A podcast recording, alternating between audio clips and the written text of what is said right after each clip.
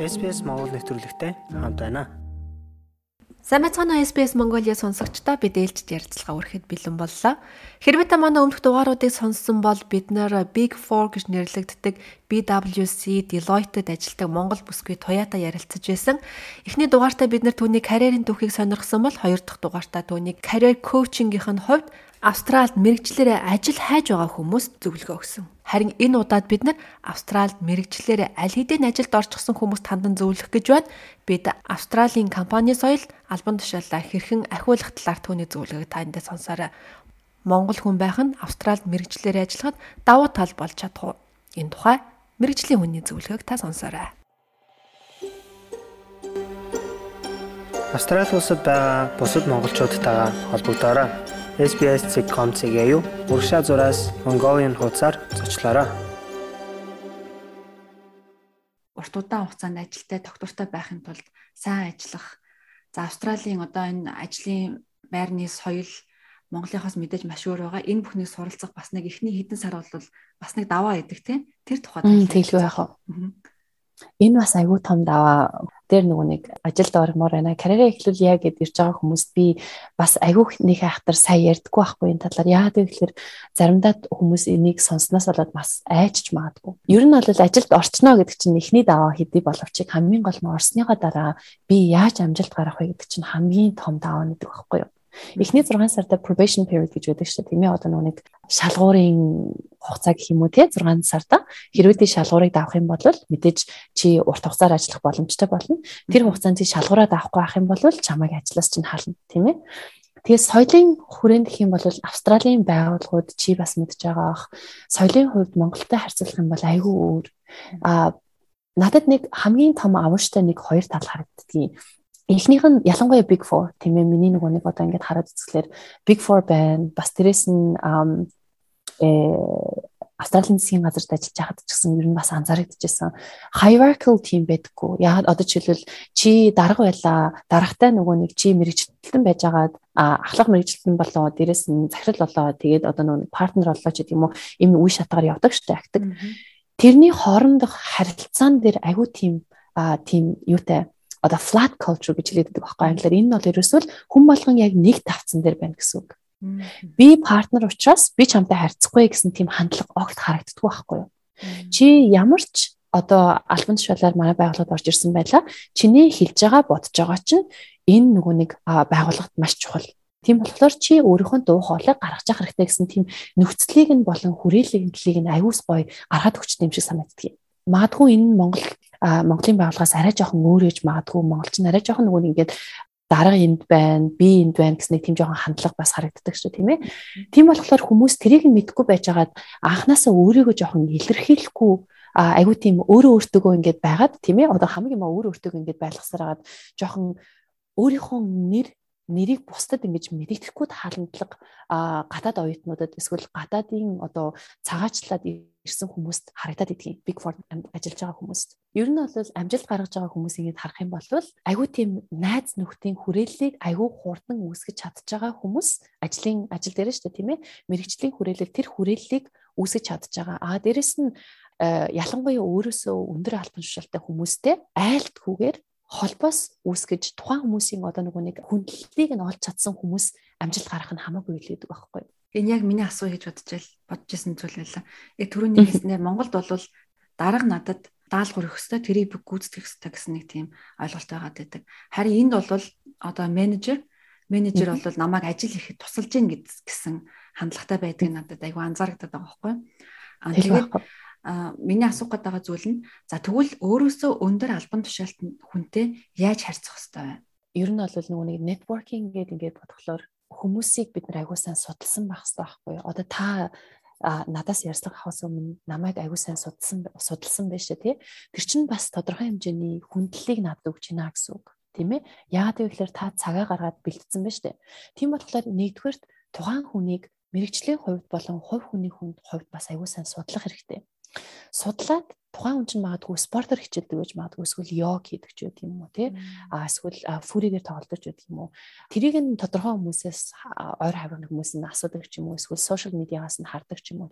А хоёрдугаарт нь мэрэгчлийн хувьд энэ хүн чинь хин юм бэ? Яагаад энэ тасгийн энэ нөгөө нэг байгуул одоо энэ тасагт нь ийм альбан тушаалд нэдэг юм бэ? Энэ хүн энэ байгууллагад хэр удсан юм бэ гэсэн энэ нэг энгийн мэдээллүүдийг мэдчих хэрэгтэй байхгүй юу? Тухайн хүн лөө approach хийхээс өмнө одоо тухайн хүнтэй холбогдохоос өмнө тэгээд яг үнэнгээсээ одоо genuinely яг бүр жинкнээсээ сонирхоод тий тухайн хүнээс асуух асуулт асуух хэрэгтэй. Би одоо жишээлбэл 3 жилийн дараа ч юм уу тань шиг ийм альбан тушаал дээр баймаар байна байя гэсэн тийм зорилготой байгаа. Би таныг ийм хоббитай байна гэж би харсан. Би бас өөрөө ийм хоббитай гингүүтээ нийтлэг талыг нь олчиж штэ. Та хоёрын хооронд нэг тийм тодорхой нийтлэг тал үүсчлээ гэсэн. Тэнгүүд чинь эн чинь ерөөсөө нэг trust you building trust ахгүй юу? Ерөөсөө л хүндэл үсгэлээ, итгэл үсгэлээ гэсэн үг тий. Тэнгүүд чинь тэр хүн чинь окей энэ туяа цагаа гаргаад миний талаар бас ойлгоцсон байна. Шууд эренгүүтээ надаас энэ асуултанд хариулаач гэхээсээ илүү судалсан асуулт асуух чинь айгүй тийм хүндлэлтэй асуулт гэж би боддتي. Тэгээд хамгийн ихнийхээ одоо холбоосыг үсгэлээ. Дээрээс нь тухайн хүнээс менторшип хайх хэрэгтэй. Би энийг ингэ сурмаар байна. Таны бодол юу вэ? та надад нэг тийм өөрийнхөө санаагаасаа хэлээч эсвэл би ямар ном унших хэрэгтэй гэж та бодож байна.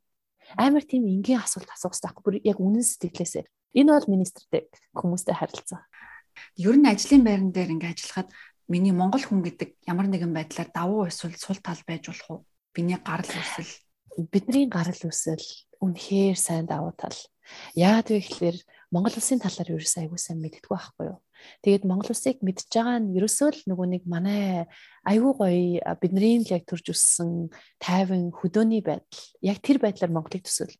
Тэгээд угаасаа амар тийм exotic гэж боддог. Угаасаа австрал хүмүүс ялангуяа тий ялангуяа австрал хүмүүс эсвэл хамт ажиллаж байгаа гадаад гадаад улсын иргэд Монгол гэж хэлэхлээр ер нь айгүй гоё эргээр хүлээж авдаг. Тийм болохоор би угаасаа өөрийнхөө гарал үүслэр айгүй бахархалтай байдаг. Баян хүмүүс би Монгол шүү.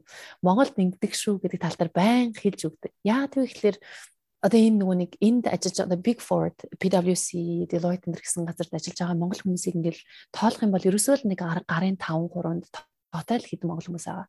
Тийм болохоор би их эх орныхоо болон өөрсдийнхөө миний өөрийнхөө community нүүрсээр олчлоо шүү дээ. Тийм үү. Тийм болохоор би хамгийн гол нь Монголыгоо би яаж харуулах вэ гэдэг ерөөсөө л миний атганд байгаа байхгүй юу. Тийм болохоор би сөрөг тал гэж ерөөсөө үзэхгүй. Тий, ер нь их бахархууштай ах хэрэгтэй гэж би боддیں۔ За дотор альбан тушаал ахыг гэвэл юу хийх вэ? Албан тушаал ахыг гэвэл мэдээж ойлгомжтой ажиллаастай гүйцэтгэл нь дуустал нь хийх хэрэгтэй. Ялангуяа Big Four орсны дараа эхний 3 сард угаасаа хүн болгон агуу хэмжээний одоо тийм нэг нэг imposter syndrome гэж ярьдаг штеп өөрөө өөртөө итгэхгүй тий эргэн тойрны хүмүүс айгүй тийм ухаантай бүх юмаа мэдж байгаад би яагаад мэдэхгүй байна гэсэн сэтгэл угаасаа хүн болгон төрдөг байхгүй юу? Яагаад гэвэл ер нь бол big four орж байгаа хүмүүс чинь цалин мөнгөнд нь болж ордгүй Яагаад гэвэл баг индастритэй ингээд харьцуулах юм бол цалин баг бага байдаг. Big Four орж байгаа шалтгаан ерөөсөө л маш их юмыг богино хугацаанд сурыг. Тэ? Тэгээ сурангуудаа нөгөө нэг одоо өрсөлдөж байгаа тэр нөгөө нэг хүмүүсийнхаа хамгийн урталт нь байя. Ягаад гэвэл Big Four чинь маш их хэмжээний хөрөнгө оруулалтыг innovation дээр, innovaц дээр, innovaц дээр хийж өгдөг болохоор байнга одоо энэ нөгөө нэг өрсөлдөөний урталт нь явж идэг болохоор Big Four чинь байнга ингэж тийм ер нь бол тийм хурцтай өсч идэг гэсэн үг. Тэрнтэй дүүцүүлээд одоо одоо ажиллаж байгаа чадварлаг хүмүүс маань маш сайн хөгжих хэрэгтэй гэдэг байхгүй. Тийм болохоор чи яг өгсөн ажлаа тултал нь биелүүлэхээс өөр шаардлага юусаа байхгүй. Тэгээ чи магадгүй эхний 3 сартаа илүү цагаар ажиллах шаардлага гарч магадгүй. Яагаад гэвэл чи амар их юм техникл юм сурах шаардлагатай болдог тийм ээ. А эсвэл индустриг а одоо нөгөө салбаруудаа бас сурах шаардлагатай болно. Одоо жишээл би засгийн газрын зөвлөх байгууллагад ажиллаж байна. Тэгэхээр чин ямар ямар засгийн газрын альбанууд байна уу тий? Тэр альбанууд нь ямар ямар одоо төсөл хэрэгжүүлээд байгаа юм бэ тий ямар шалтгаанаар ийм төслүүдийг хэрэгжүүлээд байгаа юм бэ ямар бодлого бариад байгаа юм бэ гэдэг чинь ингээд бодоод үзэх юм бол үе шаттай маш их судалгааны гарч ирж байгаа сте энэ болгоныг би цаг гарган өөрийнхөө цагаар судлах шаардлага гарна тэгэхгүй байх юм бол би хамгийн гол нь энэ байгууллагатаа амжилт гаргаж чадахгүй байхгүй юу. За ажлаа хамгийн сайн хийлээ. Дээрээс нь өөрийн гэсэн хүрээллийг бий болох хэрэгтэй.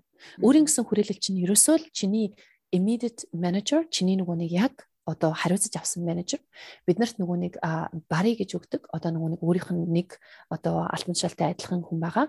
А дээрэс нь чиний ментор байд carry mentor. Carry mentor гэдэг хүн болгон угаасаа carry mentorтай байдаг.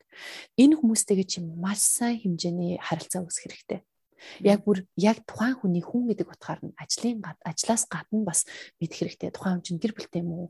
Аа тий ямар нэгэн пет байдаг юм уу? Ямар хоббитэй байдгийг энэ бүхнийг чи цаг гаргаж бүр үнэн сэтгэлээсээ судалж ойлгож тухайн хүнтэй ийм харилцаа үүсгэх хэрэгтэй. Аа тэрнээсээ гадна өөрийнхөө тасгаасаа гадна бас бусад хүмүүстэй харилцаа үүсгэх бас хэрэгтэй. Энэ ерөөсөө social event-үүд. Ямар нэгэн social event болонгууд хүмүүс за би ажиллаа хийгээд ядарчлаа би явлаач гэдэм үү би ормооргүй байна. А эсвэл өөрөө нөгөө нэг олон нийтийн үйл ажиллагаанд орохороо жоохон ингээд өөрөөсөө ичдэгч байдаг юм уу? Тийм байдлаасаа болоод өөрийгөө тавьж чадахгүй би иймэрхүү юмнууд ормооргүй байна гэд ингээд ерөөсөө ажиллаа хичээл гэрлөө хараад идэх хүмүүс аюух анзаардаг байхгүй юу? Тийм хүмүүс ийм хурдцтай хөгжиж байгаа олон улсын байгууллагад амжилт гаргахад аюу хэцүү. Энэ ерөөсөө хамгийн гол нь чи хэнийг мэдэх вэ гэхээсээ илүү хэн чамайг мэдэх вэ? Тэ? Хэн чиний нэрийг мэдэх вэ? Туяа гэдэг хүний нэрийг хэн мэдэх вэ? Хамгийн гол нь мэдэхдээ энэ хүмүүс чамайг ямар байдлаар мэдчихэв? а туяа ажиллаа айгуу сайн хийдэг гэж мэдэж гинүү. Туяа одоо жишээлбэл амар тайм public speaking сайн хийдэг гэж мэдэж гинүү. Эсвэл ямар байдлаар хүн чамайг мэдэж гин гэдэг ч юм айгуу чухал. Тийм болохоор чи өөрийнхөө хоббиг хүмүүст мэдүүлж явах хэрэгтэй. Ажлын гадуур. Гайхалтай олон зөвлөгөө гэж маш их баярлалаа. Энэ ярилцлагыг дуусгамааргүй байна. Хоёлаа дараагийн дугаартаа үргэлжлүүлээд тоягийн бас нэгэн асуух ёстой зүйл бол сэтгэл зүй, бясалгал, йогийн талаар тоёта ярихгүй байхын аргагүй өөрийн туршлагатай хүн байгаа. Тэгээ хоёлаа дараагийн дугаараар энэ тухайд ярилцъя. За баярлалаа өндрөө. За баярлалаа. Та SBS Монгол нэвтрүүлэгтэй хамт байна. Бусад сонирхолтой нэвтрүүлгүүдийг SBS.com.cg Mongolian вебсайтаас аваарай.